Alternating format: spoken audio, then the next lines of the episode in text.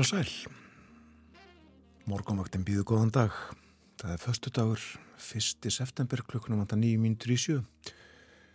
Og hér setja Björn Þór og Þórun Elisabeth. Við fylgjum hlustundum inn í daginn, setjum hér til nýju í dag. Já, 1. september, nýr mánuður hafinn. Það eru þá fjórir mánuður eftir af árinu 2023. 243 dagar af baki. 121 dagur eftir. Við hugum að veðrinu og uh, sjáum að það býst að hlýtt sumstaðar á landinu. Tólstiga hitti það sem hlýjast var klukkan 6 og almennt hlýtt á landinu vestanverðu svalara austanmegin. Fimmstiga hitti viða þar. 11 stega hitti í Reykjavík, 5 metrar á sekundu, all skíjað, svipa viður á Kvanneri, 11 gráður 3 metrar, sem og í stikkisólmi, 11 steg að hitti 4 metrar og enn 11 steg að hitti á Patrísfyrði, 4 metrar þar, austan, 8. 12 steg að hitti hins vegar í Bólungavík, 8 gráður á Holmavík, 9 á Blönduósi, 10 steg að hitti á Logn við Söðanisvita, áttastega hitti á Akureyri hægur vindur. Logna á Húsavík fimmstega hitti þar. Fimm gráður líka á Rauvarhöfn Skeltingstöðum og á Eilstöðum það létt skeiða á Eilstöðum nýju stega á höfni í Hotnafjörði sjö á Kvískerjum. Áttastega hitti á Kirkjubæðaklaustri nýju gráður á Stórhöða í Vestmanægum 11 metrar þar sló í 14 mestu kviðu en áttastega hitti Árnesi og nánast logn þar. Lognið að undan storminum líklega, það er enn vona á þessari læð sem við höfum fjallasvoltið um í vikunni þórun. Já, sannlega, enn vona á henni. Það er hægt vaksandi söðaustanátt í kortunum í dag, söðaustan 13 til 20 metrar á sekundu og regning setnipartin, en hægari vindur og bjartviðri norðaustan til. Í kvöld söðaustan 18 til 23 metrar á sekundu og talsverðregning en e, þá verður söðaustan 13 til 18 og regning með köplum norðan og austanlands. Það er hlýtt 10 til 17 stig og e, segir í hugleggingum veðurfræðings að nú í morgunsárið er 965 millibara lægð um 400 km söðvestur af kvarfi. Hún fer hratt öst-norðaustur til Íslands og skilin sem fylgjalæðinni koma að suðvestu strönd landsins setnipartin í dag og þeim fylgir stormur og regning talsverð á köplum og eins og hlustundur ættu að vera farnir að þekka þá er tekið fram að það sé mikilvægt að huga að nærum hverfinu. Það séu líkur á því að löfblöð getur rifnað af trjám og þá eru þau fljóta stípla niðurföll. Að samaskapi er stór strimt í kvöld og í ljósi ölduhæðar spár og vindáttar er líklegt að sjávarstaða verði há áveðurs eins og til dæmis í Grindavík og jafnvel líka í Þorlóksöfn. Og þetta þarf að hafa allt saman í huga. Það er eins og að búið að stitta aðeins í þessu útlut fyrir að hún fari svolítið hraðar yfir lægðin.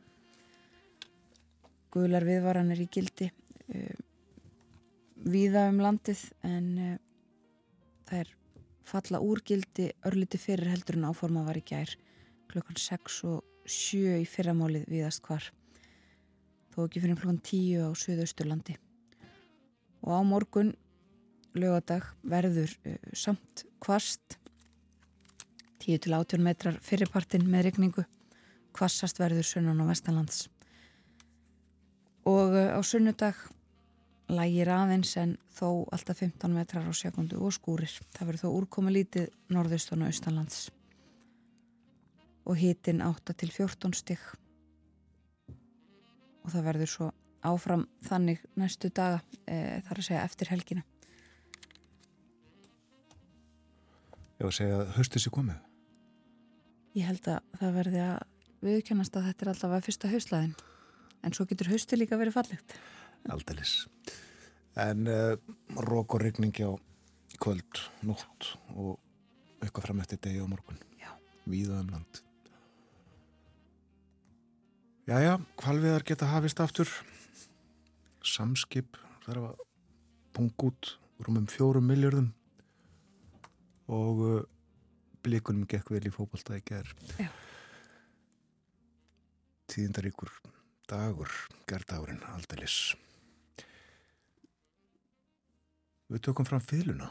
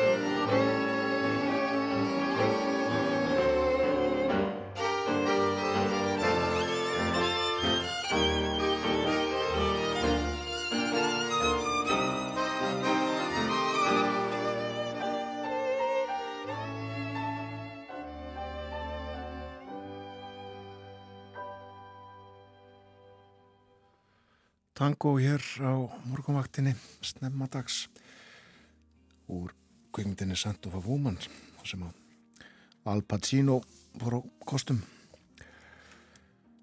En við ætlum að leika kveimdatónlist í þættinum í dag. Klassíkin okkar í kvöld í hörpu og sjónvarpinu. Drögum fram uh, alls konar kveimdatónlistur á þetta segja Við förum ítalega yfir dagskrá þáttarins hér eftir fréttina sem að koma eftir mínútu. Lítum í blöðin, sjáum hvað stendur í morgunblöðin í dag og erlendum blöðum. Kíkjum uh, kannski líka í, í uh, sögubækur, legum tónlist og ímislegt fleira.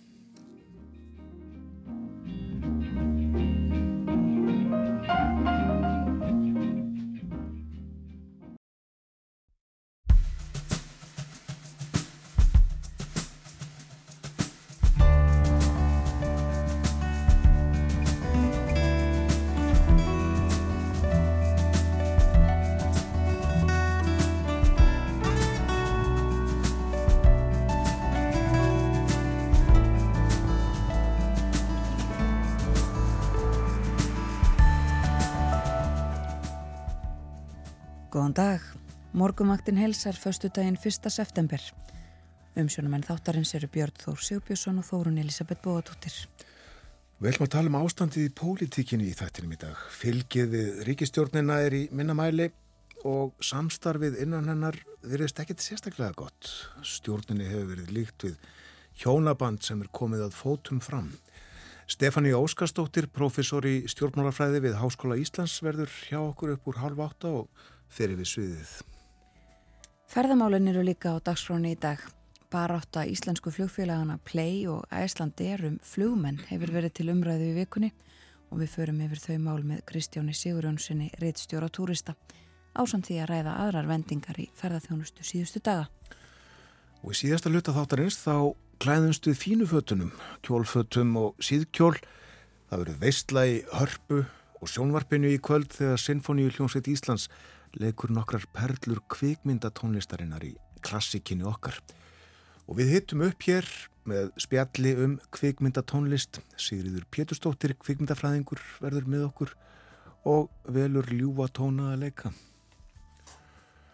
Og ekki vanþurfu á að uh, hlusta á hugulega tónlist núna þegar uh, fyrsta haustlaðin er á leiðinni til okkar. Alveg rétt. Það verður ekkit veður til þess að vera úti í kvöld að minnstakosti, víðast hvar um landið. Heyrðum að þessu frettunum þetta. Það er þessi lægð sem að fer hratt og eh, kemur að landinu, söðu vesturströnd þess uh, setnipartin í dag og fer yfir uh, stóran hluta þess í kvöld og uh, í fyrirmálið. Stutta útgáfan er bara rók og ryggning, uh, stórstrimt líka, þannig að það er uh, ástæði til þess að já, uh, hafa varan á.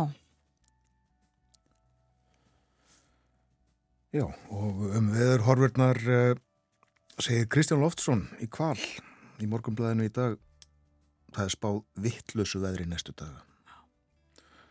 Það sé bara óætt þá að við notum þetta Já. orðfæri Kristjánu þetta þekkir veðrið vel hefur þurft að taka tillit til þessi sinni starfsemi. Áratuga skeið en það er sanns að rætt við Kristján Loftsson á fórsíðu morgunbladsins í dag og uh, þessi reglugerð sem að gefum var út í matalaráðanettinu í gerum kvalviðar er borin undir hann. Og hann segir við fljótan yfirlestur reglugerðarinnar sínist mér að við getum alveg lifa með þessu. Og svo er farið yfir ímislegt uh, sem er í reglugerðinni hér. og hann segir ég er ekki búinn að lúslesa reglugerðina mörgum sinnum en mér sínist að ákvæði hennar hveði að mestuleiti á um það sem við höfum verið að gera hvort þið er. Núna verðum enn fá þetta á bladi sem er ekki eins og verið hefur en við munum auðvitað að fara að þeim fyrirmælum. Og uh, já, þessi reglugerð var uh, byrtu miðan dag í gær og hún er nokkuð ítaleg eins og frammiðu komið í fréttum. Það eru hérna orðskýringar í byrjun, kvalviði uh, bissa. Það er skipfast skotvopn í stefni skips til þess að skjóta sprengiskutli. Skot fjarlagð, það er fjarlagð dýrs frá kvalviði bissu þegar skotið er. Og svo er hérna hugtæki tafarlaus dauði útskýrt. Það er þegar dýr telst dögt á innan við einni mínútu og svo er hér viðmið um dauða dýr telst döytt þegar kvalur er reyfingalus, kjálki er slakur og bæksli likja slög með fram hlið kvals. Þó er heimilt að líta til þess við endanlegt mat á dauða tíma hvort kvalur telst dauður þrátt fyrir að sína krampakend enkenni. Já, ímislegt í þessari reglugerðum kvalveðar. Ég fann hérna svolítið um uh, kvalveðar sem að stundaði voru hér í gamla daga, svo má segja. Sikkur megin við þar síðustu aldamót. Þannig er að uh, Hagfræðistofnun Íslands skrifaði árið 2019 mikla skýslu um kvalveðar og uh, þjóðhastleg áhrif þeirra. Og uh, það var svona stutt sögulegt yfirlitt og uh, sagði meðal annars vísbendingar um að kvalviðar hafi verið stundaðar á Íslandi frá því að land byggðist má finna í fortsögum, til dæmis eigilssögu, þó að þeir hafi líklega ekki verið umfangsmiklar. Baskar vitu kvaliði í Ísland á 16. og 17. öld. Kvalviðar hófust þó ekki af alvöru hér við land fyrir en sent á 19. öld. Þá hafi normaðurinn Sven Fóin fundið upp sprengi skutulinn sem gerði mönnum kleift að veiða stórkveli og fyrsti nútíma kvalviði báturinn með sprengiskutlum og gufuvél var smíðaður 1863 og áratvíðinu á eftir þá jukust veiða mikið sérstaklega á stórkvölum og veiðar með sprengiskutlum eru oft kallaðar nútíma kvalviðar.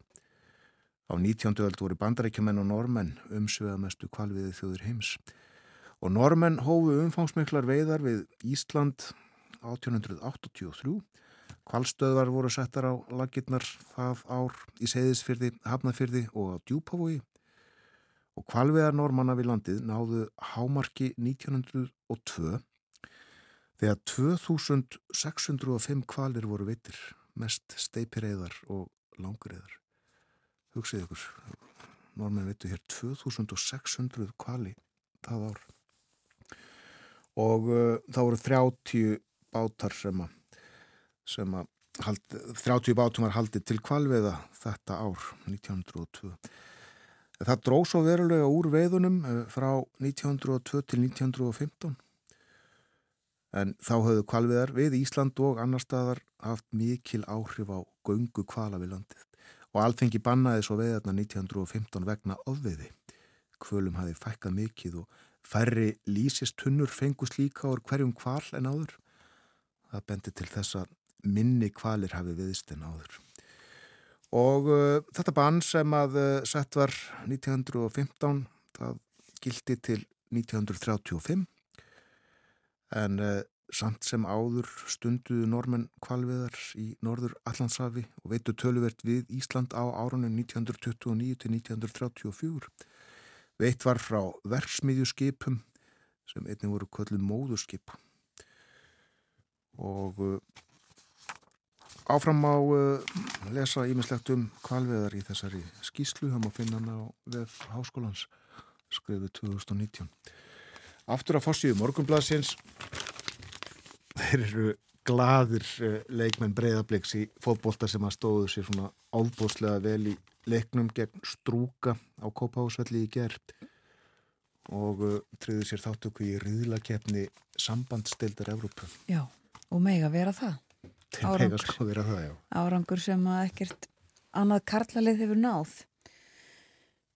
En uh, svo er það það sem við nefndum í gerðmorgun sem er það að það er leikið í riðlakefninni í sambandstildinni, já, nánast í jóla. Og uh, nú væntanlega hefst vinna við það hjá blikunum að finna út úr því hvar þeir geta spilað. Nú? Því að uh, samkvæmt fréttum að minnstakosti frétt fótbolta.net og raunar morgunblæsins líka þá er uh, ekki, já, svo sem er það vitað að Kópavóksvöllurinn er ekki löglegur völlur í svona svona löguðu, uh, svona reyðlakeppni og uh, segir í þessum frettum að það sé alveg ljóst að uh, það megi ekki gera neinar undan þáur, það sé ekki þetta sækjum neitt slíkt.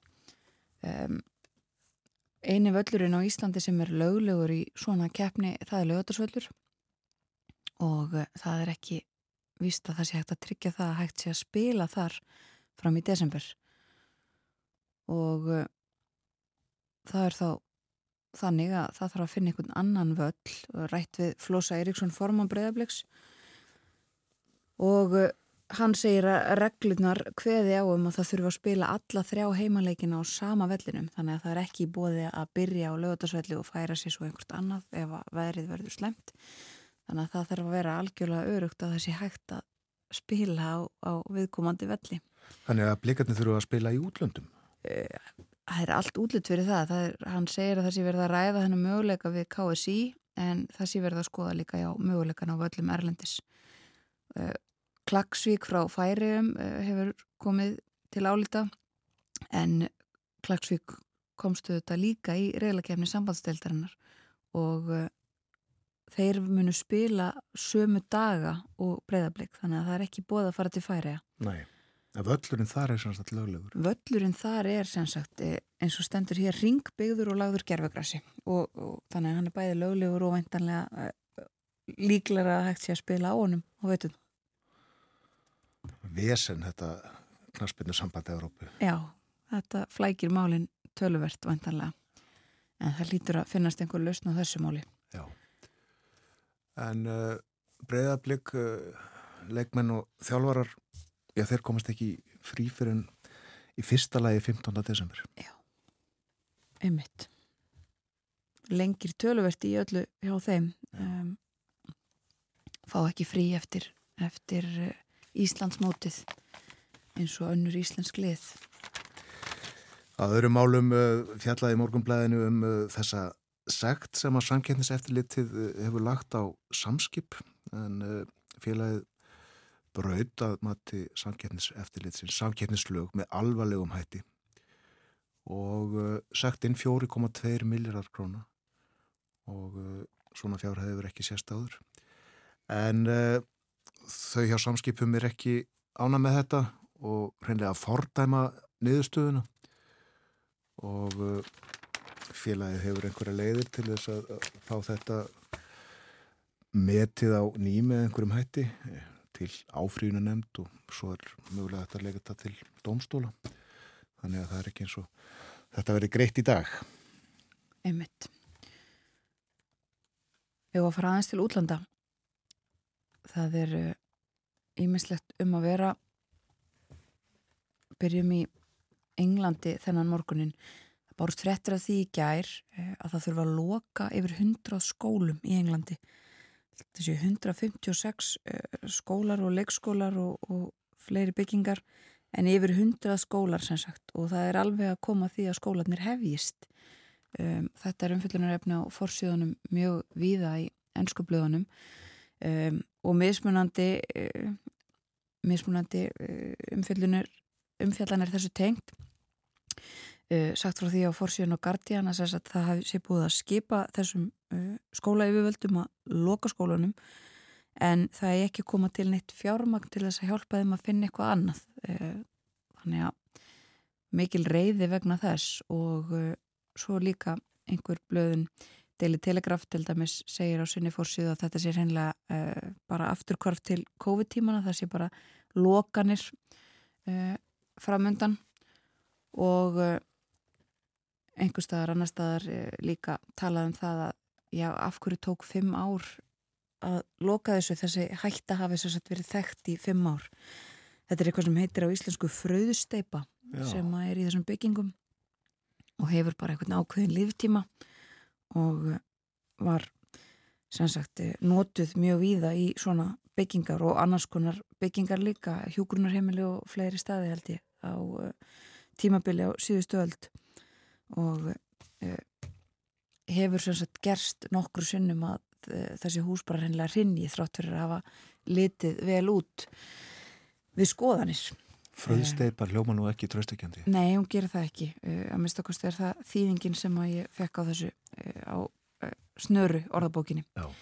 En það er líka mikið fjallað um verkvöldi helbreyðskerfni í, í Brellandi. Þau eru enni gangi, við höfum fjallað lengi um uh, alls konar verkvöld, séð þau á fórsjóðunum, hjúgrunafræðingar og sjúkraflutningamenn og, og einhverju læknar.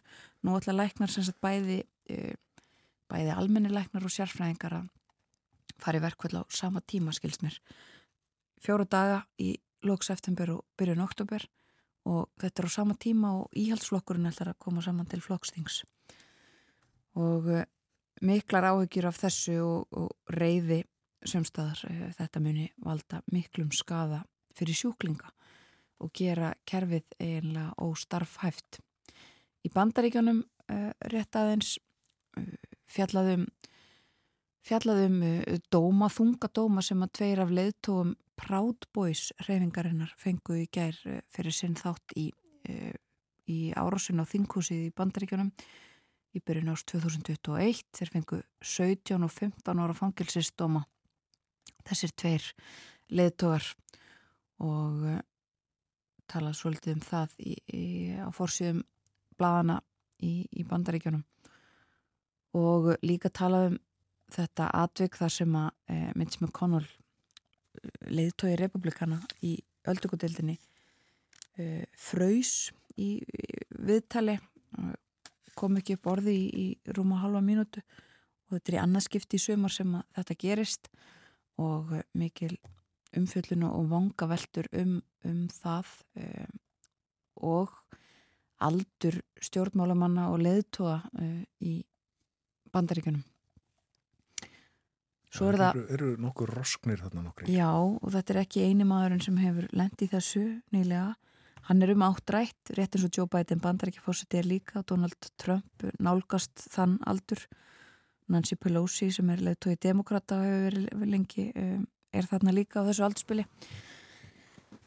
En uh, rétt aðeins uh, frett frá uh, Vafki í Noregi, verðins gang, þar í Noregi hefur verið gerð nýjir rannsókn, umfangsmikil rannsókn á mundtobaki og sínir nýðustöður þessar rannsókna að það sé þannig að nótkun á svona myndobæki uh, það sé bara uh, miklar vísbendingar um sagt, aukningu í krabbamenni það sé tviðsvarsunum líklæra að fá brískrabbamein og uh, þrísvarsunum líklæra að fá uh, krabbamein í vélenda með mikillir nótkun svona uh, tóbaks eða nikotínpúða og uh, samt tekið fram að það sé ekki verið að hvetja fólk til þess að fara aftur í síkaretunar, fólk sem að það hafi verið að gera.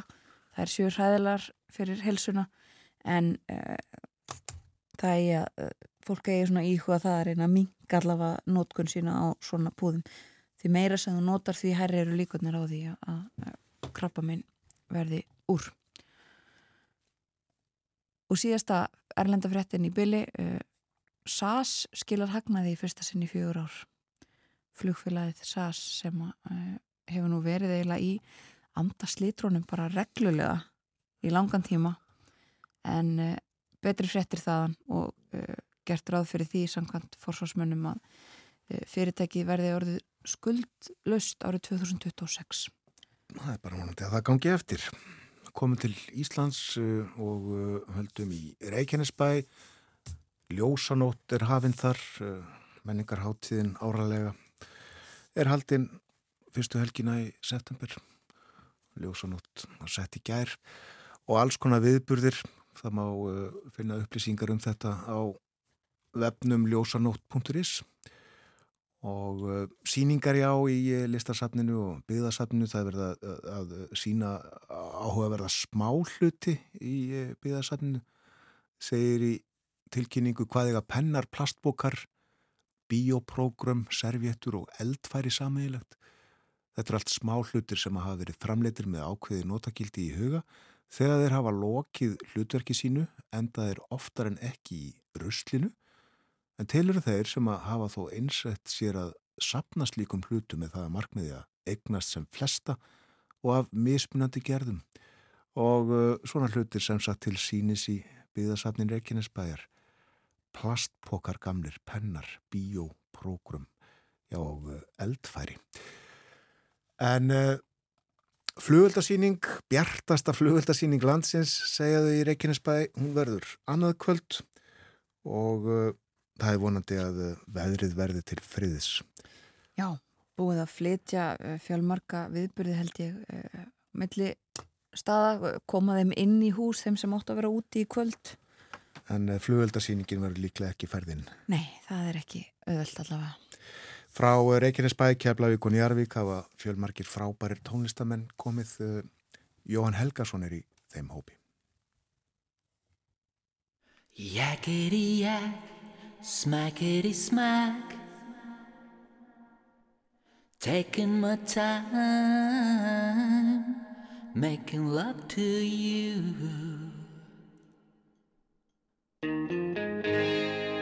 Yakety yak, smackety smack. Hang on the line, cause I want you to.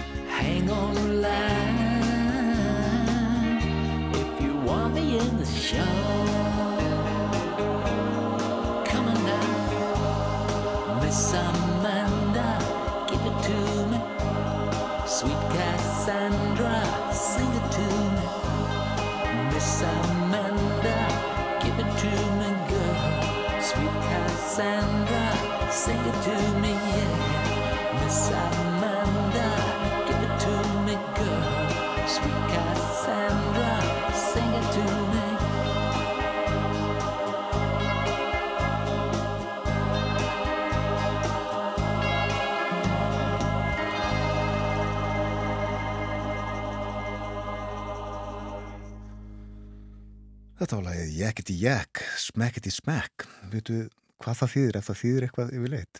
Nei, ég- allavega, þú er ekki að fullir það um það. Jóhann Helgarsson samti og söng hljómsveit Magnúsar Kjartanssonar leik. Magnús sjálfur á hljómborð, Vilhjálmur Guðjónsson á gítar, Finnbói Kjartansson, bróðir Magnúsar á bassa og Erik Kvik á slagverk. Og uh, með Jóhanni söng Karlakór Keflavíkur, ég held að þetta hefur verið hljóðritað fyrir 15 árum, þar um bil. Og við leikum þetta í tilefni af ljósanótt, menningarháttíðin í Reykjanesbæ sem að sett var í gær og uh, stendur fram á sunnundag. Margt kræsilegt á dagskráni þar. Það stýttist í fréttaefilitið, við fáum það á slæginu hálf átta eftir þrjára hálfa mínútu þar um bil. Og eftir fréttaefilitið þá ætlum við að tala um pólitíkina.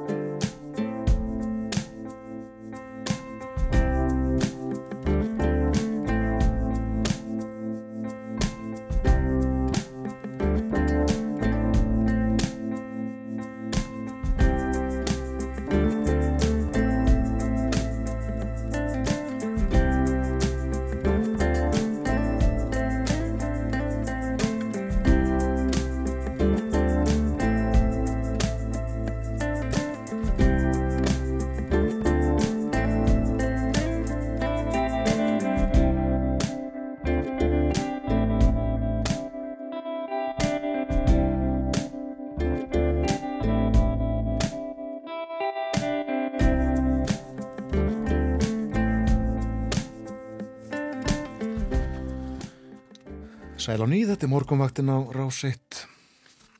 Það er förstu dagur í dag, 1. september, klukka núna rétt liðlega hálf átta. Um sjónamenn þáttarins í dag Björn Þór Sigbjörnsson og Þórun Elisabeth Bóðadóttir. Og það er ímislegt framöndan hjá okkur, uh, til dæmis að viðurspáin. Já, hægt vaksandi söðaustan átt, söðaustan 13 til 20 metrar á sekundu og rigning setnipartin, en hægari og bjartviðri norðaustan til. Söðaustan 18 til 23 metrar á sekundu og talsverðrigning í kvöld.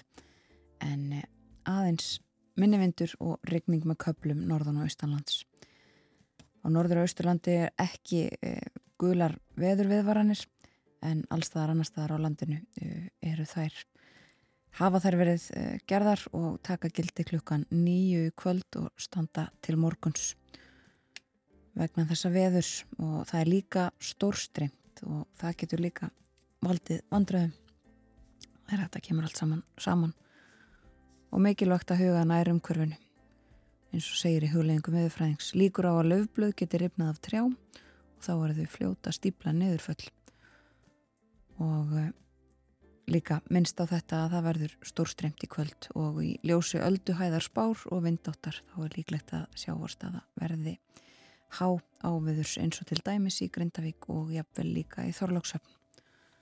Það verður svo áfram kvast og svo litil regning á morgun en uh, og uh, svona skúrir í kortunum á sunnudag. Áfram svo skúrir og uh, skíjað annar staðar á mánudag. En svo svona bara hæglætisveður sínist okkur í næstu viku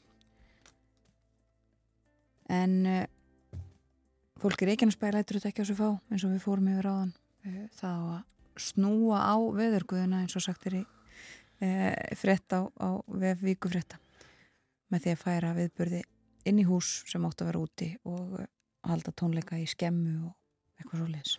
Það eru ráða góð í Reykjanesbæ. Já. Ég minni á að Kristján Sigurjónsson, reittstjóri túrista verður með okkur hér þættinum eftir morgun frettnar klukkan átta. Við ætlum að tala um flugmenn og flugfélög líka reyndar og ímislegt fleira. Og uh, svo verður hér millir hálf nýju og nýju Sigriður Péturstóttir, kvikmyndafræðingur. Við ætlum að tala um kvikmyndatónlist og uh, hlusta á, leika þar að segja kvikmyndatónlist tilefnið klassikin okkar í hörpu í kvöld og sjónvarpinu.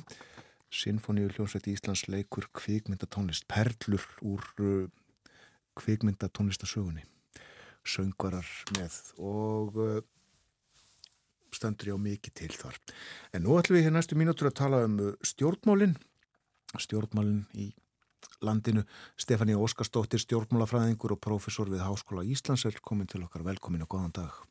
Já, takk fyrir. Já, það hefur verið nokkur ókýrð í stjórnmálunum og uh, já, sumi vilja meina að uh, ríkistjórnarsamstarfið hafi hangið á bláþræði þanga til hann um hátiði spil í uh, reknaði þú með því svona fram eftir viku að það myndi mögulega slittn upp úr þessu?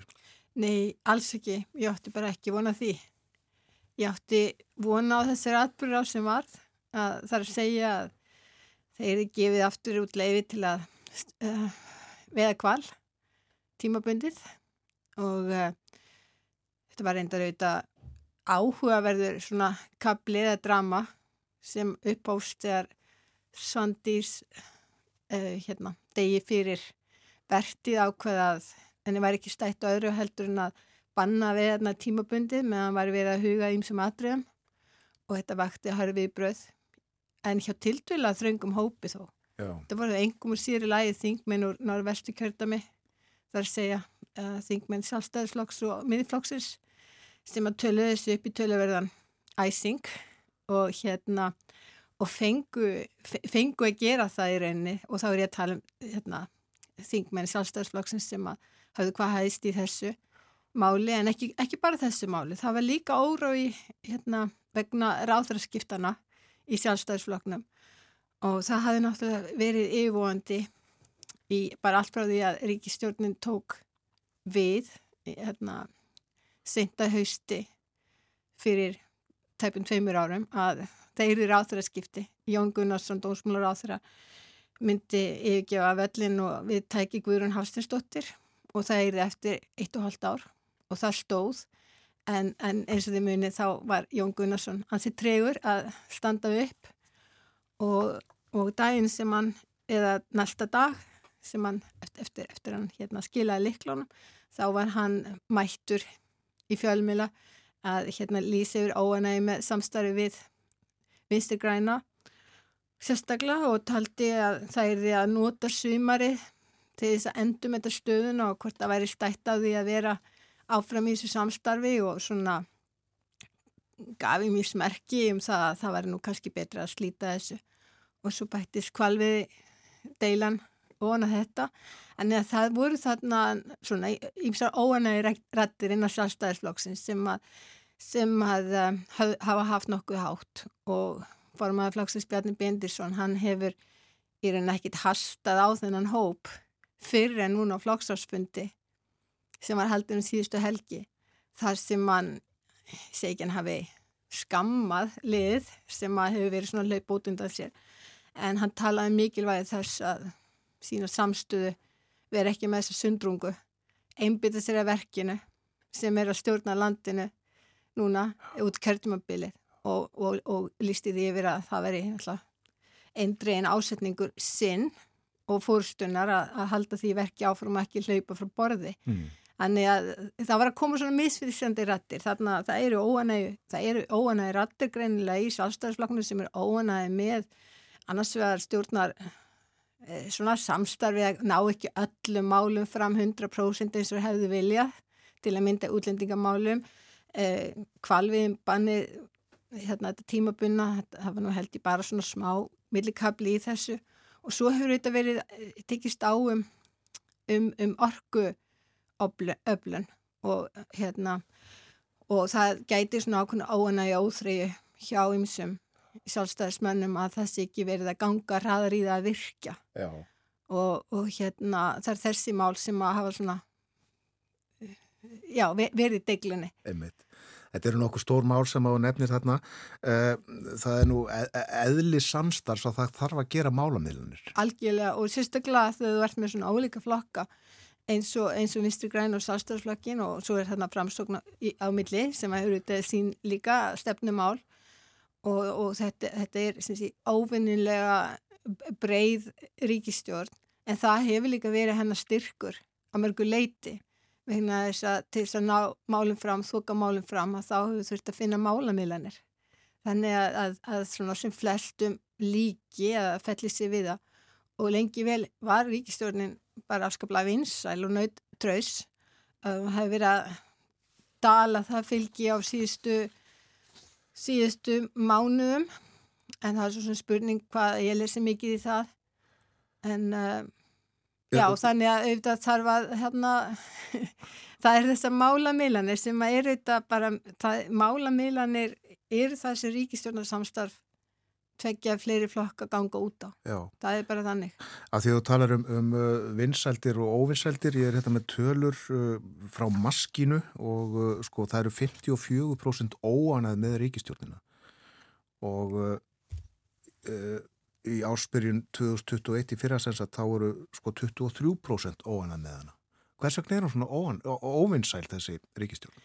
Já, Ég veit ekki hvort að maður segja hún sé óvinnsæl þó að þetta, hérna, þessi meiruliti sangað þessum skonakönnum sem að, sem að segast ekki stiða ríkistjórn hefða, já, að, að þá er þetta kannski ekkit, þá, þá myndi ég segja ríkistjórnum mætti nú bara ákveðla við una, hafandi verið, veist, saman í ríkistjórn núna, hvað, næstu sex ár, já, verða, næstu vikum. Og uh, hún hefði fengist við náttúrulega alls konar mál og hérna hvað ég að segja? Já, hún lagði á stað með uh, talsverðan byr. Mikill uh, stuðningu, stuðningu við hana. Já, og það sem sko við höfum séð með ríkistjórnir mm, frá hrjunni fram að ríkistjórn Katrína Katrína Jakobsdóttur var það að ríkistjórnir byrja mjög sé, hátt uppi með kannski hérna alltaf 70% stuðningur eða fólk lísti yfir að það hérna, sé ánætt með ríkistjórnastíðana og svo fljóðlega samanbyrð ríkistjórn til dæmis Jónu Sigurðardóttur og ríkistjórn Sigmunda Davís og líka ríkistjórn Bjarnar Bendissonar að þá fellur hérna stuðningur mjög hrætt í skonakönnum bara hérna sko miklu sé, minni stuðningur heldur en þessi ríkistjórn þó hefur núna sko, sex ára síðar. En hvort segir þetta meira um ríkistjórnirnar eða kjósendurna, fólk sem svarar í þessum kannunum? Um, sko, þetta segir okkur eitthvað um hvort vekja en, en það hérna ber þó að hafa í huga að svona kannanir langt byrju kostningar eru ákveður bara svona sankomisleikur, það hafi þetta enga merkingu, maður hittist undir fólk sem er alveg miðsinn yfir gengi skonakönnunum og svona, ég er að tala um bara almenning hérna, fólk sem að þekkir sem er með sín yfir gengi skoðanakönnum en, en eins og ég segi þetta er alltaf ekki, sko þetta er ekki þingsæti þetta er ekki talin atkvæði en gefur okkur vísbendingar.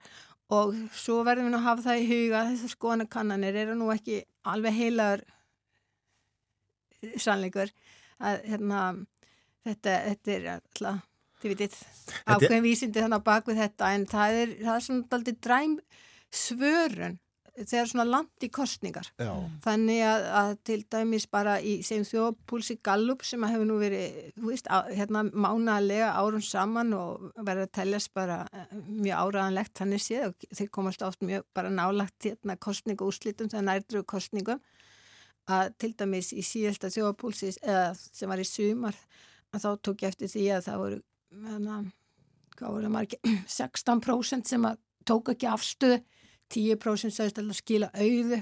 Þannig að það er, það er margir sem að nenna ekki að segja hvað þeir ætla að kjósa en það vita er ekki þessum tímapunkti. Því að það er nefnilega eitt með okkar stjórnmál í nútímanum að fólk er ekki lengur hérna bundi tríðarböndum einu stjórnmálaflokki.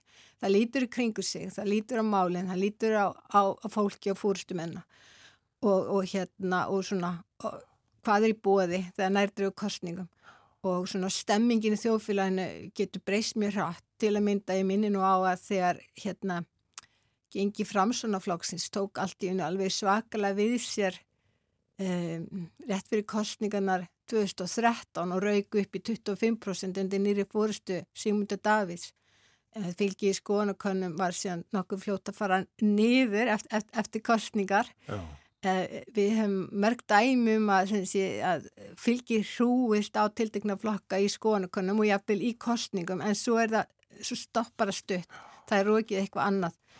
Og hérna framsunafloknum hefur gengið missulega að halda í sína fylgismenn í skoðanakönnum Vafgi hefur líka daldið hérna, það gefið að bátinn hjá Vafgi í, í skoðanakönnum og eins maður segja með sjálfstæðisflokkinu þó er það þannig að hann er bara ótrúlega sko, ef maður horfir marg ár tilbaka þá er hann ótrúlega oft í skoðanakönnum einhver stað rétt um og í kringu 20% en í kostningum hefur hann verið uppskýrað svona einhver stað nálagt 25% eftir hrjön, búið best upp í 29 þannig að 2016 þannig að þetta er, þetta er hérna eitthvað sem að stjórnmálamenn og þeir sem hafa áhuga stjórnmálamenn að horfa til, er að horfa til gengi flokka í skoðanakönnum en, en það margt eftir að gerast á næst verið kosið. Já, en nú er óhjákamlegt að nefna þetta mikla fylgi sem að samfylkingi mælist með. Já, einmitt. Og hvað maður segjum það, það hérna þá bara eftir að koma í ljós hvort að, hvort að það helst. En um, þarna er, er nýr fúrstumæður og sem, sem hérna hefur verið að tempa tónin niður í hérna Evropu sambandsmálum sem að öllum líka nú ekki þarf að segja vegna þess að þetta hefur verið eitt af megi málu samfélkingarinn að segja maður að Evropu sambandinu og nú segja sumir með hækkandi vöxtum og öðru slíku að það sé í mitt rétti tímin að ekki að þeim málum öllum og sækjum hérna, Evropasambands aðal, takk upp Evru og össfram, en þessi umræð hefur ekkert verið í gangi. Um, samfélkingin allar sem sé að dempa þau mál. Um, einbindið sér og svona uh, hvað ég segja, bara lífskjara málum Emitt. og lífskjara málin eru þetta mál-málana líka og verða, verði vetur vegna þess að það þrengir að ymsum, það, það er rífandi gangur í atvinnlífinu eins og við vitum, það er alveg óbúslega mikill hagvöxtur og, og, og hefur verið mikið þensla og sem hefur þurft að slá á með, með sívaksandi hérna, vaksta hækkunum og, og líka kröfu frá selabankanum um, um að stjórnvöld stíja brensuna og drægi úr umsvefum, hérna drægi úr framkvæmdum og, og öðru slíku og það stendur til núna í næsta fjallagafrömmarpi nú er kannski að vaður eini annað en, en í næsta fjallagafrömmarpi að þá meðum við búast við hérna, að það verði miklu og ég myndi hafa búið tilkynna það hægraðinga krafa að, að ríkistofnanir og hefur uppbyrðið að vera að draga saman seglin og það mun kalla á, segir fjármálur á þeirra, ég vil uppsagnir.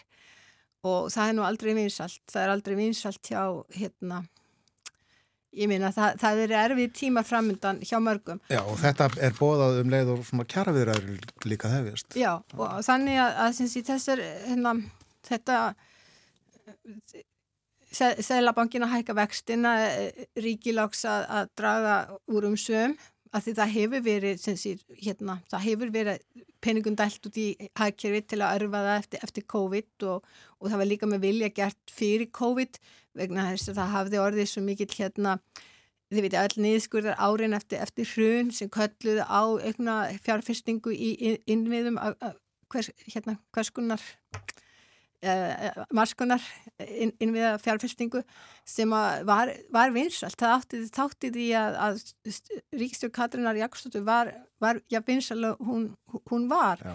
En leiður Ríkstjórn stendur fram fyrir því að draga sama seglinn, hérna að vera í, í sálsika fullum aðgjörðum, það kallar á auðvitað gaggrinni og hérna og óanægu og, og fylgistabjabel en, en þetta blasir við og í, sams, í samstarfi við verkalis fórustuna og atvinnureikundur sem að þurfa núna í lóka ás að þeirra búin að ná saman um hérna kjærasamninga sem eru ekki verðbólgu kvetjandi en uh, það verður mjög mikil pressa á náttúrulega kauphækkanir til að koma til móts við vakstahækkanir og að þessar miklu kostnahækkanir sem hafa verið. Þannig þetta er mjög erfitt vandamál að eiga við hvernig ég tóna er ná niður verðbólgunni í samstarfi sé stjórnmála, stjórnmálana og, og atvinnlífsins og kallar á, kallar á hérna hvað ég segja. Það, það þarf að vera hérna gott utanum hald Já, um, það, um, um það. það þarf snjalla stjórnmálamenn í svona ástandi. Já og, og, og það var einmitt í þessu samiki sem Bjarni Bendisson sagði að flóksarsfundi ég ætla ekki að hleypa, hleypa, hleypa strá borði við þessi erfið aðstæður. Og, en, en, á, en, en hérna að því við vorum að tala um samfélkingun hérna rétt á undan Já, að þá er hérna, nýr formaður samfélkingarinnar uh, vil sem sé blanda sér þetta í þetta og, og, og, og benda á leiður og lausnir og svo framvegst sem svona ákveðin valkostur við það sem er og auðvitað kemur að því að samfélking fyrir ríkstjórn uh, hérna, en hvena það er og, og með hvaða flokkum þá bara eftir að koma í ljós já. En uh, þetta verður áhugaverðu vetur uh, í pólitíkinni, spennandi fyrir áhuga fólku um stjórnmál. Já, mjög. er. Það er eitt Stefani sem ég langar að nefna, bæjastjórin í Þorlásöfn, hann bóðaði fyrir vikunni vantröstilu á Svandísir Svæðarstóttu þó hann sé nú ekki aðstöðu til þess að leggja slíka tilugu fram. Mhm. En uh, þessi hugmynd, ef við getum orðað svo að borin undir uh, áhrifafólk í þingflokkum frá svona flóks og sjálfstæðisflós og það útilokaði ekki að samþykja slíka tilugu ef hún kemur fram. Já. Manstu eftir sambarilugu? Nei, en og hérna, er mitt ekki, vegna þess að það hefur nú auðvitað komið fyrir að það hefur verið búrið bandröst af sko þingmennum stjórnarnarstöð, búrið bandröst á einstakar ráþar er ríkistjórn til að mynda Sýri uh, hérna, Andersen á sínu tíma og það mætti nefna fleiri dæmi. Jón Gunnarsson fyrir ekki mörgum mánuðum. Já, og, og hérna, og þá hafa fórustu menn í sams, samstagsflokkunum yfirleitt sagt að þetta, þeir hafa, þeir hafa lítið sagt í slíkum málum en þeir hafa stutt sína ráþura Já, og, en, en þarna, þarna er þessi svona, hvað á maður á- svona óanægi deildin sem vorum, að- ég var að nefna hérna á undan sem var, leti sér heyr út af kvalvegu bann og annað slíkt. Uh, þeir, þeir, þeir hafa kosið að, að hafa þetta aldrei hátt og, og, og þeir hafa fengið það eins, og ég nefndi aðeins að það væri svona slega puttana á þeim en þá svo sem eftir að koma í ljós hvort að einhvern hafa tefnist fyrir þessi svona upp, uppþótt sem þeir hafa verið með eða hvað, eða þannig líka þessi háaði í þessum þó minni hluta hef, hef, skapar ákveðinu svona sálfræðilega pressu sem að já, ég held að hafi svona hugsa, þú veist, þeir búið, voru búið til pressu og svandísi. Og annars sem við hefum kannski ekki gleyma, sem verður stórmál og er stórmál sem að hérna, og, og það eru þessar fyrir breytingar á fiskveiðstjórnarkerfinu eða já, því öllu kerfi sem að Svandís var að bóða og, og uh, það hefur aldrei verið hlaupið að því að breyta, breyta því. En það er stórt verkefni. Og, og hérna og, þar, og það, það munu verða auðvitað aðilar inn á sjálfstafsflokksins sem munu sem að munu sitja mikla pressu á hana bara berjast, berjast gegn öllum slíkum áformum um, um herri veiðugjöld og, Já, og, algjörlega. hérna, og, svo, og svo er annað sem að maður er líka að heyra og það er líka borðið svandísar og það er ákveðin pressa að endur skoða búveru samningana þannig að það standa mörg spjót á svandísi og hún er þetta ekki, hvað segir maður, einsveitri í pólitíkinni, hún er mjög reyndu stjórnmálamaður. Já, og hérna og hérna með breytt bak. Já og kann, þennan leik. Og maður verður svo sem ekki var við annað sko innan ríkistjórnar eða innan ríkistjórnar ráðþarna sjálfur að það er ekki fullt draust Akkurat. en, en það eru þessi aðilar í, í sjálfstæðisflokknum sem að hafa verið að láta heyra óþærlega eða nú, kannski, já, kannski ekki að segja óþærlega en, en hafa verið að láta, í sér heyra, hans ég átt og, og hérna og, og þeir verðast þráð það helst að komast í ríkistjórnar samstarf með miðflokknum og við höfum ekki nefnt miðflokkin, ég er í Nei. þessu samtali kannski ekki tíma til þess Hann er með tvo þingmenn. en hann er með, þetta er tveggja já, þetta er tveggja manna þingflokkur og maður hefði kannski haldið að hann myndi kóðuna niður á kjörtjumbilinu en samkvæmt skoðanakönnum þá er hann að gera bara gott mót í byli ég vil með 8% fylgi eitthvað sem er, sem er hérna all gott og uh, við sjáum nú hverju framvindur en einhver myndi kannski að vera séð fram til miðflokksins inn í sjálfstæðisflokknum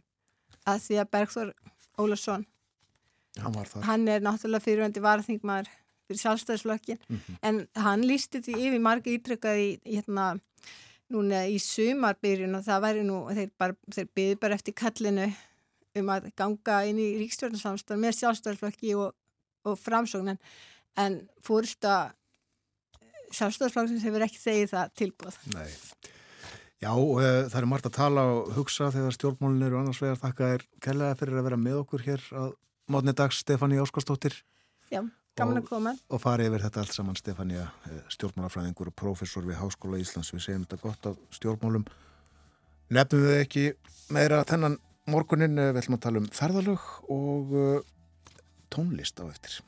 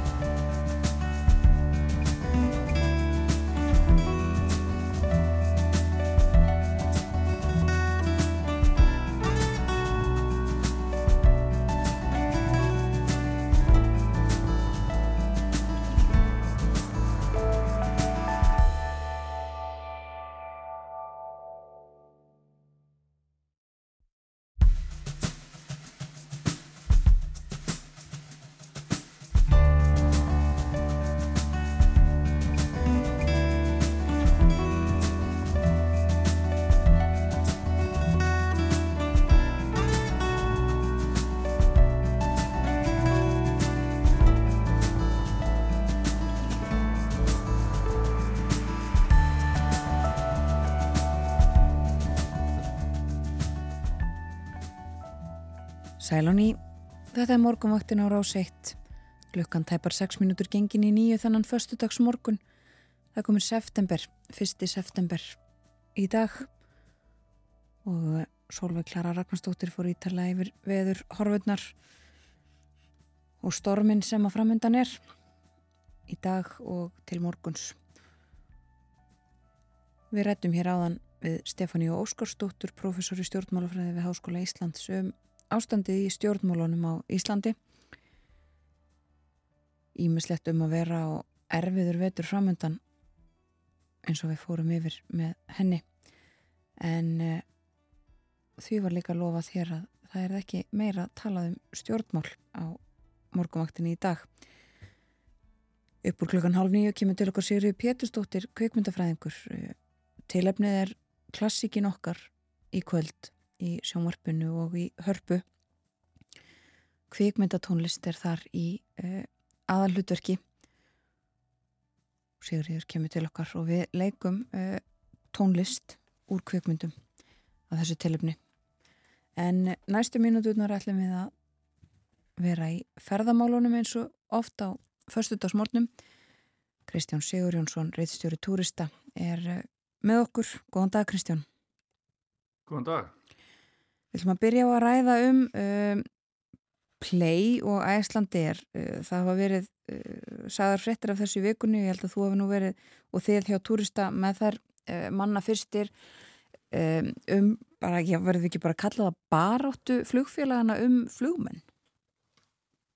Jó, má ég alveg segja það, en, en, en þó má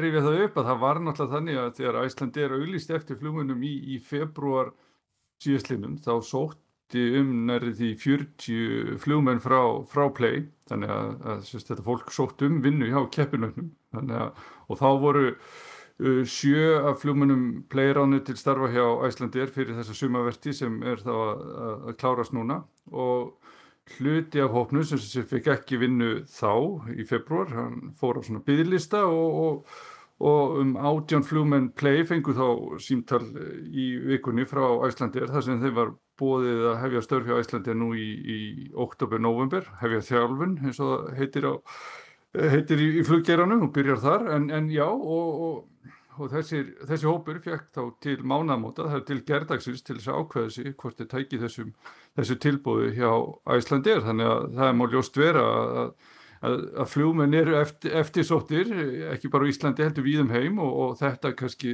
endur speklast þá í þessari stöðu sem komin upp á Íslandi að fljómenn play er að sækja um vinnu hjá Íslandi er, en það eru launin hjá Íslandi er ja, nokkur betri Já.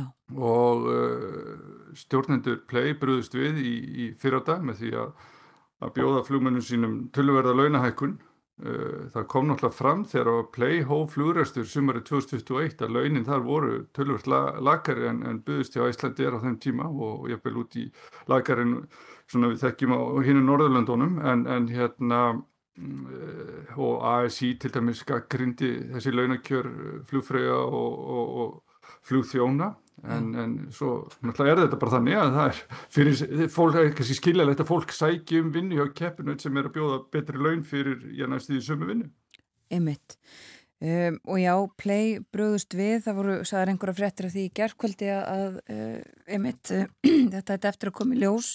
Uh, hafa einhverja fregni borist af því í dag hvort að Já, bara hvernig málinn standa, Hva, hvort að play hefur tekist að haldi í alla sína flugmenn eða, eða hvort að eh, einhverjir þeirra hafi valið að fara þarna yfir til keppinutarins? Nei, fórstýra play gaf það út í gæra að ef af þessu yrði, það er að segja ef svona stór hópur flugmanna myndi segja upp að þá er það tilkynna það í kaupöld því að play er skráða hlutabrjámarkað og en þá hefur ekki komin einn tilkynning frá play þannig við sjáum hvort að gerist eitthvað í dag en þetta lítur að skýrast núna bara í morgun sárið en um, það er ljóst að sko play með um, hefur verið með um 120 flugmið nú í sumar og þarna erum við að tala um átjumannahóp og, og, og, og eins og ég sagði áðan það voru sjö flugmenn sem fóru frá play til Æslandir í, í byrjun sumars og play þurfti þá að leita til erlendra starfsmannalega og, og réðin flugmenn frá þeim og mér skilt að þessi um 20 af þessum 120 þannig að þetta er auðvitað Já, erfi staða sem play gæti lengt í ef, ef flugmennum fækkar svona hratt núna fyrir vetravertíðina því að mm. play stefnir á töluverðumsuf í, í, í, í vetur en, en það er náttúrulega ekki til ljósta hvað hva verður um þess átjón flugmenn sem fengur búið frá Íslandir í vikunni. Nei, en allavega vitum við það að átjón flugmenn er svona það stór biti af, stór hluti af flugmennum play að það myndi eða gæti haft áhrif. Já, alveg, alveg hygglust og svo er það bara þannig að eins og ég nefndi á þann að, hérna, að stjórnendur play brúðist við með því að hæk, bjóða allavega tölvöld betri kjör til flugmanna í, í, í fyrra dag og, og svo hækkun geti náttúrulega ef maður reiknar svona bara út heildar yfir árið sko þá er það kostnæðaraukningu upp á mörg hundru miljónir og, og hérna þannig að það er þannig að það er verilegu biti fyrir félagi þá að hækka launin. En, en svo hefur maður einni heyrt að, að, að sko áhafnum play þykir það mikill ókostur og þurfa að koma sér sjálft út á, á keflaguflúvel það er að segja að keira eigin bíla þangaðu um miðanótt meðan Æslandi er keirir sínar áhafnir frá haf, hafnafyrðið ef ég mann rétt. Já. Uh, þannig að það er líka ákveð eða svona virðist við að svolítið þungt hjá mörgum heyri ég. En, en svo er það veist, við sjáum það náttúrulega í heimi að, það, veist, að erlendar flug, áhafnir erlendar flugfélag þurfa sjálfar að koma sér í vinnuna en, en samgöngur við erlendar flugvelli eru nú oft tölverð betur en við þekkjum á, á á Íslandi, það er að segja að það eru almenni samgöngur, tíðarferðir frá kannski ólíkum borgarhlutum og, og þess áttar og, og lestaferðir þannig að það er kannski ekki alveg það sama og, og þurfa að koma svo út á keflagurflugur frá höfuborgarsvæðinu. Nei, akkurat, það er ekki hlaupuð að því að taka strætu og rútan kostar töluvert. Já, já, það er ómögulegt að taka strætu og átt að mæti í morgunflugur til dæmis. Einmitt, einmitt. Já, við sjáum hvað setur það berast vantarlega einhverja fregnir af þessu eins og þú segir eh, kannski síðar í dag eða á næstun allavega. En annað mál sem við höfum fylst eh, með Kristján er eh, flug, kannski sérstaklega flug til annara flugvalla heldur en keflauguflugvallar. Flug til eigilstaða og akureyrar og það var borist fréttir af, af þeim málum síðustu daga. Já, það var Þíska flugfélagi Kondor bóðaði að uh, tíðarferði til Egilstaða og Akureyrar nú í sumar. Það voru að uh, sala á þeim ferðum hóst í júli 2022 en, en, en svo var það ekkit af þessu. Félagið bara gaf þetta upp á báti nú í, í lók síðasta vetrar og, og, og það var náttúrulega mikið svekkelsi fyrir austan og norðan en það voru mikla vonir bundnar við þessar ja, nýju flugsangungur frá Frankfurt til bæði Egilstaða og Akureyrar. En eh, svo hafa fórsvarsmenn þess að Þíska flugfélagskondor haldið því opnu að hefja flug til já, begja þessara bæja næsta sumar en, en gáðu það svo út núna í svari til okkar á túrista í, í vikunni að, að það væri bara útilokað að, að, að þessu yrði. Þannig að það er þá ljóst að þetta verður ekki næsta sumar en, en, en aftur á móti allar svisneska flugfélagið Edelvæs að halda áfram að fljúa til Akureyrar næsta sumar. Það félag spreytti sig á þessu flýi frá Súrik nú í sumar og, og, og talsmaður félagsinn sagði við mig að þetta hefði gefið bara góða raun og, og það er haldið áfram næsta sumar og félagið allar líka haldið áfram vetarferðum til Keflagufljú allar frá Súrik þannig, þannig að það er hérna, það er ekki allir að gefa þetta upp á bátinn og, og svo sjáum við náttúrulega í november minnum ég eða í oktober hefst svo áallunumflug EasyJet frá Lundunum til eh, Akureyrar þannig að það er ímislegt að gerast þrátt fyrir að Kondor ætli sér sannlega ekki að, að, að byrja á þessu Íslandsflugi sem að já, mörgum þótti lofa mjög góðum þróunmála þar. Einmitt. Já, EasyJet ætlar að fara að fljúa til Akureyrar og svo auðvitað hefur Æslandi er kynnt svona, já einhver svona áform það er verið að gera breytingar þar er það ekki svo að það verið auðveldir að eh, fljúa innanlands og svo áfram út í heim?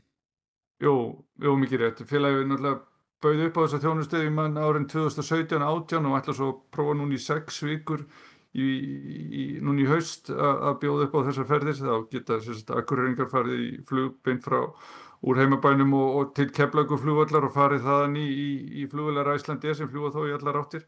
Þannig að það er náttúrulega bara svona eðlileg þjónusta í, í löndunum í kringum okkur en tekið mér framandi á Íslandi því að við erum ennþá með keflagu flugvall þannig að það er ekkit innanlandsflug. Þannig að við bara búum við ótrúlega takmarkaðar flugsangungur í sjálfu sér innanlands við þennan helsta alþjóðflugur landsins. Já. Þetta er náttúrulega mjög sérstætt kerfi eins og ég markum, mar, margóft farið yfir en, en þetta búum við við. Já, akkurat. En er það þó þannig Kristján að sko uppbyggingin er að verða meiri á Akureyri eða sérst, já, heldur en á eilstöðum? Það eru fleiri að, að leita þangað heldur en til eilstöða? Já, það er alveg greinlegt, en, en svo er það það sem stendur þessu kannski fyrir þriðum er bara skortur á hótelgistingu, til dæmis þetta þíska flugfélag sem ég nefndi aðan Kondor sem ætlaði að fljúa til Akureyri og Egilstað, þar var ætlinin sko að lenda seint um kvöld eh, til dæmis á Akureyri, því týtti það að allir farþegarnir, kannski um 200 manns, hefði þurft að komast í gistingu eh, fyrir norðan, bara á Akureyri helst, eh, þá nótt, þannig að fólk hefði ekki getið að fara í bílalegu bíl kannski og kyrt eitthvað annað og, og verið gistingu þar heldur þau hefði í sjálfur sér sko hótelrými og akkurir þurftu að taka við öllum hópnum og það er bara ekki hlaupið að því að fá hótelgistingu á akkurir að eigilstöðum uh, yfir sumamániðina þannig að það, þetta er svona í sjálfur sér þetta skrifast eiginlega bara ekki bara á flúfélagin að þau hafi ekki kjarki að fara í þessu útgerð heldur líka bara að það er bara ekki hótelgistingi á þessu stöðum fyrir svona stóran hóp á einu bretti. Einmitt. Já og talandum gistingu, uh, Airbnb höfum við yfirlega rættum um, og ekki bara hér á Íslandi heldur líka í mörgum af svona þessum stærstu ferðamannaborgum og nú berast fréttir af uh, áformum um að takmarka uh, Airbnb í, í New York. Já, ef að öllu óbreyttu sko, þá þarf Airbnb að taka út af heimasíði sinni um 70% af allri gistingu sem er á bóðstólum uh, núna 5. september og þetta ástæðan fyrir þessu er svo að, að hérna, borgaríföldi New York hafi verið að herða reglunar verulega varðandi heimagistingu og, og gera kröfu um að allir þeir sem er að bjóða út í gistingu til dæmis í kring gegnum Airbnb séu skráðir og, og En það kom þá daginn að það voru ótrúlega fáir tilbúinir að skrá þessa gistingu sína og þennan þessa starfsemi sem þeir voru með í heimahúsinu Uh, og þá er bara útlitt fyrir að Airbnb ef það ætlar að fylgja þessum reglum borgaríðvöldi í New York þurfi einfallega að taka út alla þá sem ekki eru með leifi og þá einmitt dregst saman frambóðið hjá Airbnb í New York um 70% í næstu viku ef, ef af þessu verður. Já. Og við getum bara ímyndað okkur sko ef já, íslensk stjórnvöld myndu ganga jafn hart fram þá myndi sannilega frambóðið Airbnb draga saman um já, tvo þriðju því að mér sýnist sko á vef síslumanns að þar eru um 3000 legusalar skráðir með, hérna, með leifi fyrir heimakistingu en, en samkvæmt tölum ferðamálastofu þá eru í allavega um 10.000 legusalar íslenskir með hérna íbúður eða herbergi á Airbnb þannig að við sjáum að það er tölur munur þar á og, og, og maður sér það líka eins og svo sem áður rætt að Airbnb er eiginlega sko grundfellu fyrir því að íslensk ferðarþjónusta geti tekið að móti jafnmörgum ferðamönnum eins og hafa verið á landinu nú í sumar. Það er alveg ótrúlegt magna af gýstingu í bóði í heimahúsum, uh, tölum Hagstofuna sko, þá keftu útlendingar í júli um 400.000 gistinætur á íslenskum hótelunum en um 200.000 gistingar í íslenskum heimahúsum. Þannig að það munar nú ekki miklu þannig á, það er bara um helmingur og, og til margsum sko frambóðið á, á Airbnb og heimagisting á Íslandi, það er sko, er, er náttúrulega ekkit hótel og seltjarnanissi en það eru 210 herbyggi á lausu í heimahúsum þar og í Kóbói 552 herbyggi, sko þá erum við bara að tala um það sem er skráð yeah. og við getum þá markvælt að þessa tölu jafnvel með þreymur. Einmitt það, þetta er forrætnilega tölur. Já, uh, sjáum hvað setur hjá yfirvöldum í New York og Airbnb en segjum þetta gott að ferðamálum í þess, þennan fyrstu daginn. Takk fyrir í dag, Kristján Sigur Jónsson. Takk svo mjög leðis. Eða þá talaðum sem réttir. Já. Það var rétt að viða um helgina, bæði á morgun lögadag og sunnundag, sumstaðar líka reyndar á mánudagin, en uh, fyrstu réttir haustsins þegar afstæðanar, uh, víðikers rétt hafa rétt að þar, uh, núna á sunnundagin síðasta, hún er í Bárðardal. Já.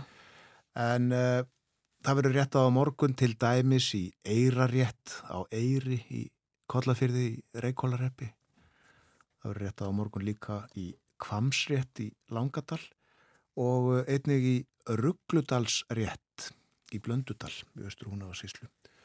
Ruggludalur er þarna, já, við Blöndudalin og mun vera rétt sunnan við eigðibílið þröm eins og því líst á, á internetinu síðu sem ég datt inn á með þessum upplýsingum og uh, réttað uh, á morgun líka í eigafyrðinum til dæmis í möðruvallarétt og einnig raungerðisrétt og á sunnudag í vallarétt og vassendarétt líka á sunnudag og fótarétt í Bárðardal, þar verður réttað þar á mándag og uh, garðsrétt í þistilfyrði á sunnudag, svona svo dæmis í tekin. En það má finna upplýsingar um þetta á vef bændablaðsins. Nefnir það. Spurning hvort að ekkur er af þessum réttum frestist vegna veður en þá ná að vera orðið skára á morgun. Við skulum heyra eitt lag heyrum Ragnhildi Gísldóttur syngja Draumaprinsinn. Á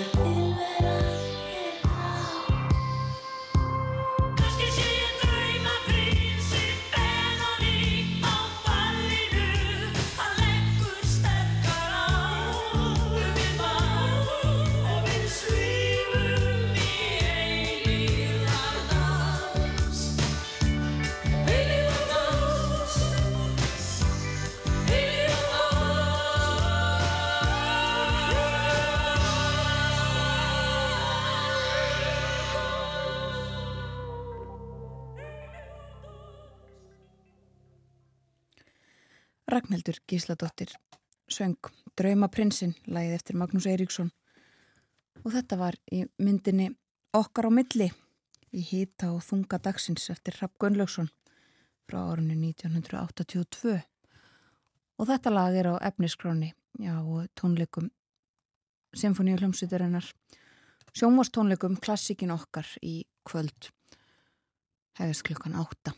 Eh, kvikmynda tónlistar Vistla og Ragnhildur Gísladóttir er uh, á meðal einsöngvara kvöldsins. Við ætlum að tala meira um þessa tónleika og um kvikmynda tónlist eftir smá stund. Sigriði Péturstóttir, kvikmyndafræðingur og dagsrákjaraðkona er að koma sér fyrir hérna hjá okkur. Hún er búin að velja uppáhaldslög og ætlar að spjalla við okkur. En fyrst leipum við frettastofinu að það kemur yfirlitt morgum fretta eftir eh, rúmar fjórar mínútur.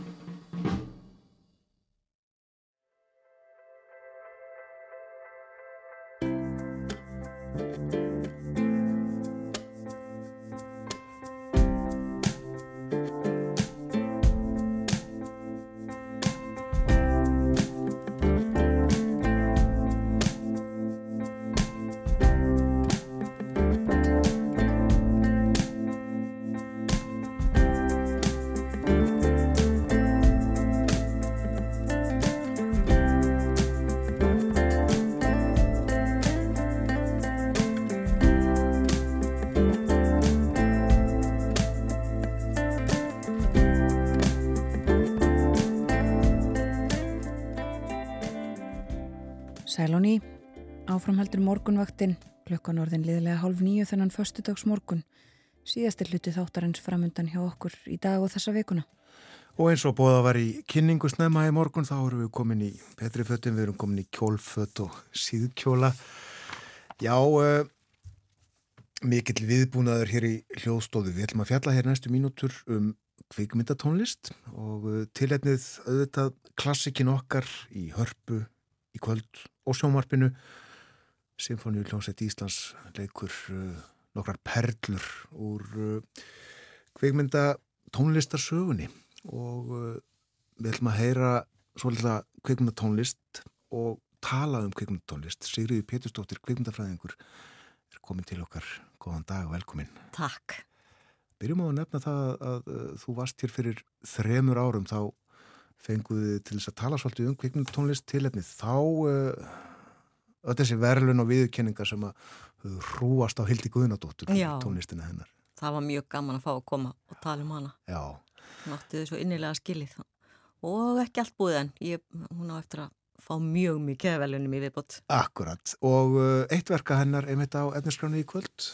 Já, uh, ég valdi hins vegar þegar þið buðið mér að hérna, koma og tala um verk að taka ekkert íslenskt af því það hefur verið ennþá erfiðar að velja það. Það var nógu erfið samt. Og ég ákvað líka að taka ekki til dæmis Bernhard Hermann eða eitthvað svona típist. Þannig að ég valdi þrjú uh, kvikmyndatónskáld sem eru ítölsk eða ítölskum ættum. Ég, þegar ég fór að horfa á uppáhaldsverkið minn þá sá ég að það voru svo margir ítalið þarna.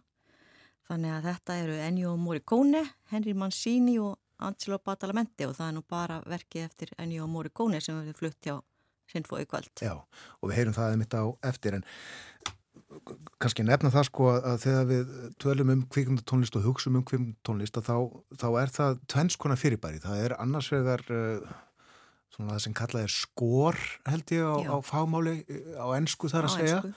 Tónlist sem að þú kannski heyrir ekki, hún er aðna mm -hmm. og uh, virkar einhvern veginn með myndinni og svo þau þetta lög sem eru notuð já, já. í kvikmyndum í mist samin sérstaklega fyrir þær eða, eða valin einhver sem að til eru og, og svo tengir fólk þessi lög við myndirnar. Já, já, já, já, já, og þau verða oft síkild sko, mjög oft ef það eru vinsa lög þá eru þau uppalega úr kvikmyndum en þetta er, þetta er rosalega fín jafnvægislína sem er segja þú veist, besta tónlistin er þú heyrir ekki neitt, veist ekki af henni. En svo er líka tónlist sem að býti svo mikla stemmingu að, að þú getur ekki hugsaði myndina á þess að það sé akkurat þessi tónlist við hana. Þannig að þetta er svona, það er svolítið misjamt sko. Hlusta þú sérstaklega eftir tónlist í kveikmyndum? Já, ég ger það, ég hef alltaf verið mikil áhuga manneski um hann og ég hlusta mjög mikið á kveikmyndatónlist bara þó ég sé ekki að hóra á kveikmyndir ég hlusta á hana þegar ég er að vinna og bara, mér finnst bara mikið að fallegustu tónlist sem ég þekki úr kveikmyndum Eða heyra fyrsta brotið eða, eða fyrsta, já, eða segja hvað, verkið? Já, það er ástastefið úr uh, Paradísabíónu, Sinema Paradíso eftir Ennio Morricone. Hlustum.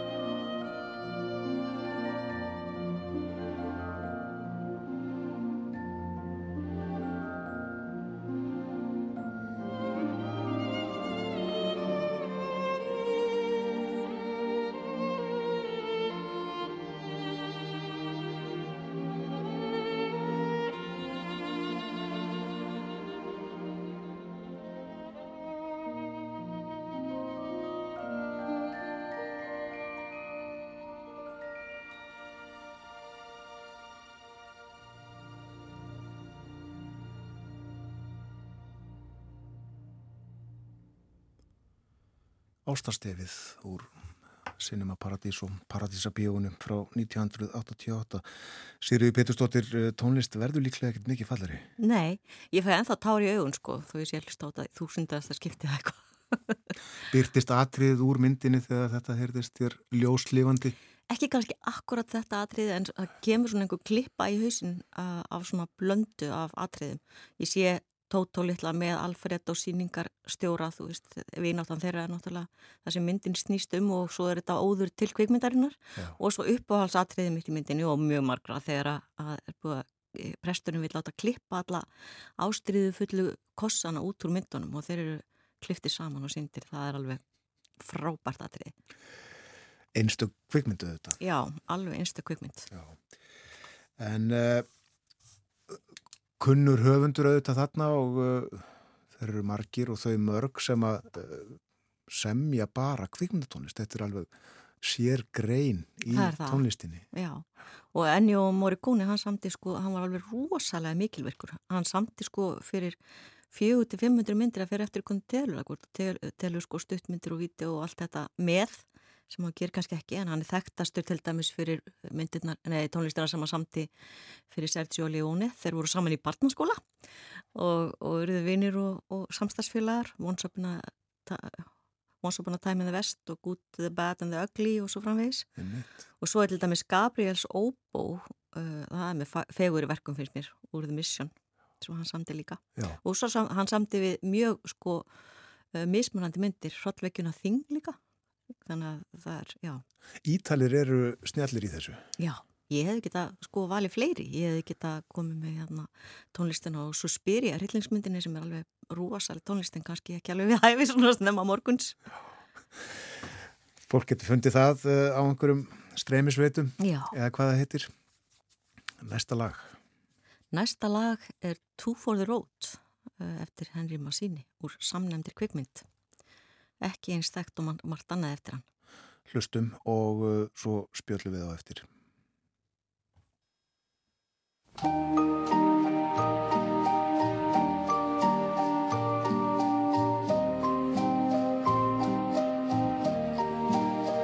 you're feeling fancy free, come wander through the world with me. And any place we chance to be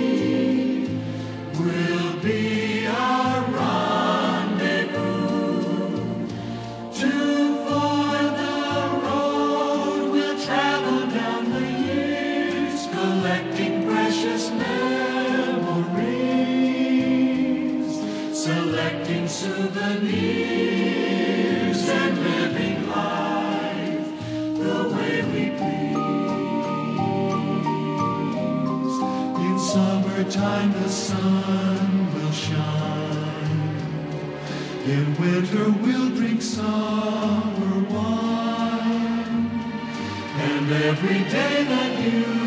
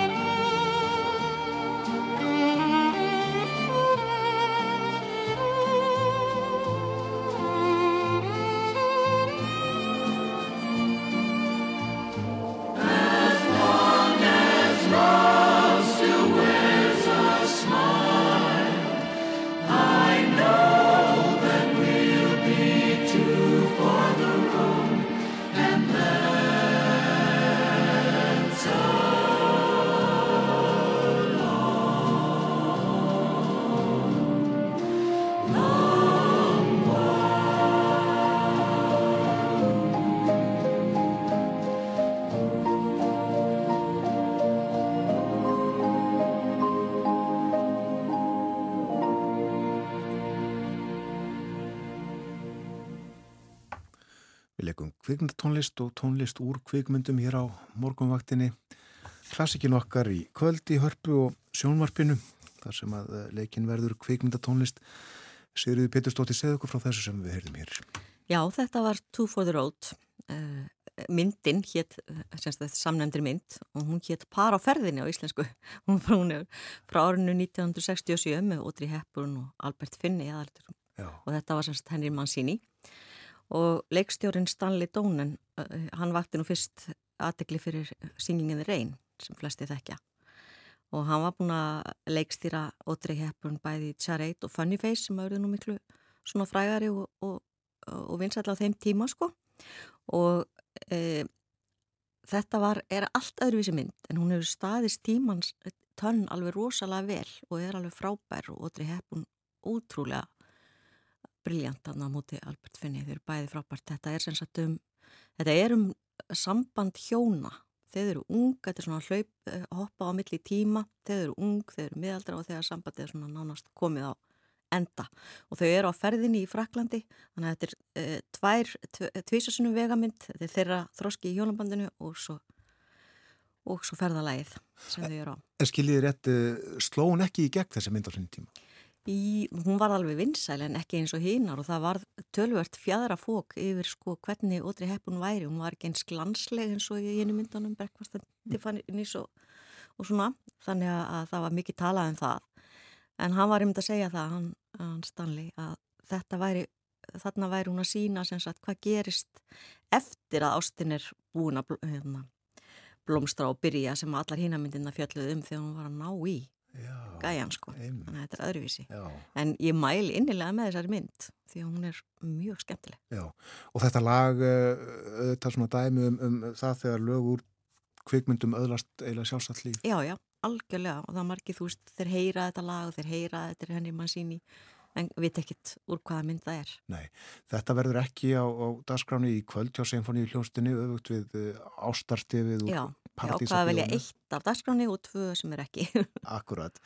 En má hann að uh, segja frá því að þarna verður aldrei spæði ný og gömul tónlist. Það eru verða leikin þarna verk eftir uh, Hildi Guðnadóttur og, og Jóhann Jóhansson til dæmis og uh, svo eru þarna verk eftir gömlu meistaranna Mozart og, og Beethoven til dæmis og já, þeir voru nú uppi áður en nokkur kvikmynd var gerð. já, já, en sum verkaðir að einmitt sko lifa út af kvikmyndum og hérna það er þannig með mikið af klassískri tónlist. Já. þetta er eitthvað það besta sem hefur gert finnst mér í, í íslensku sjónvarpi lengi að fá symfó svona inn í stofu.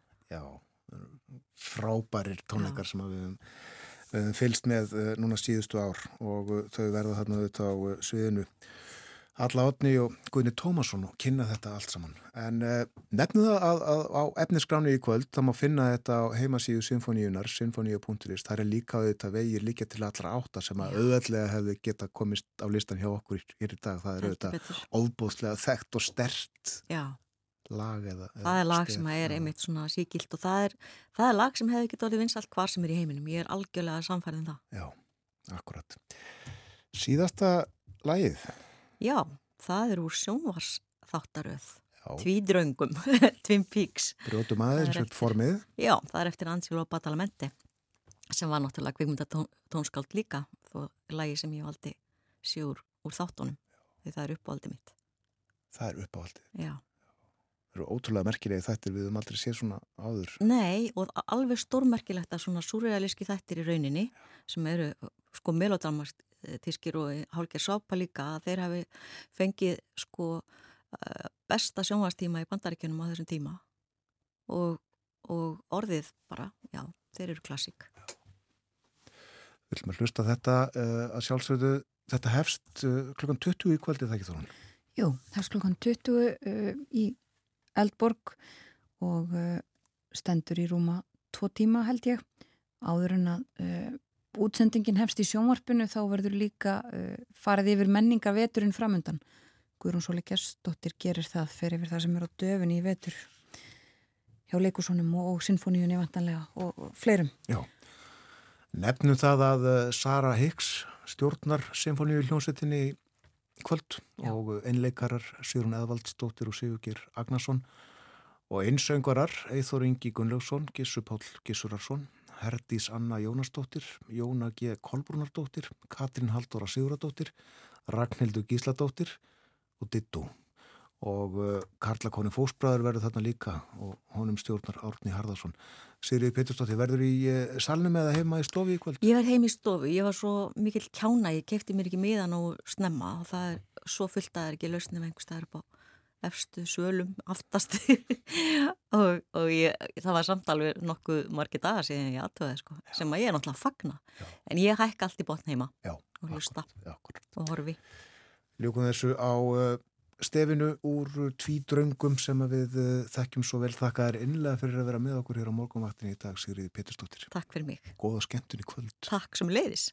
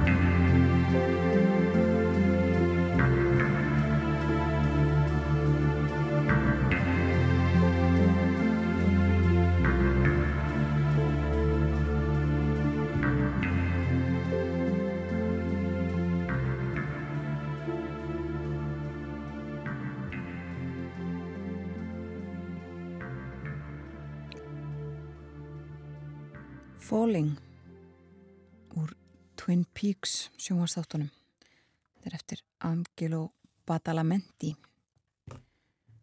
Sigriði Pétursdóttir kveikmyndafræðingur valdi þetta á samt tveimur öðrum tónverkum sínum upp á halds.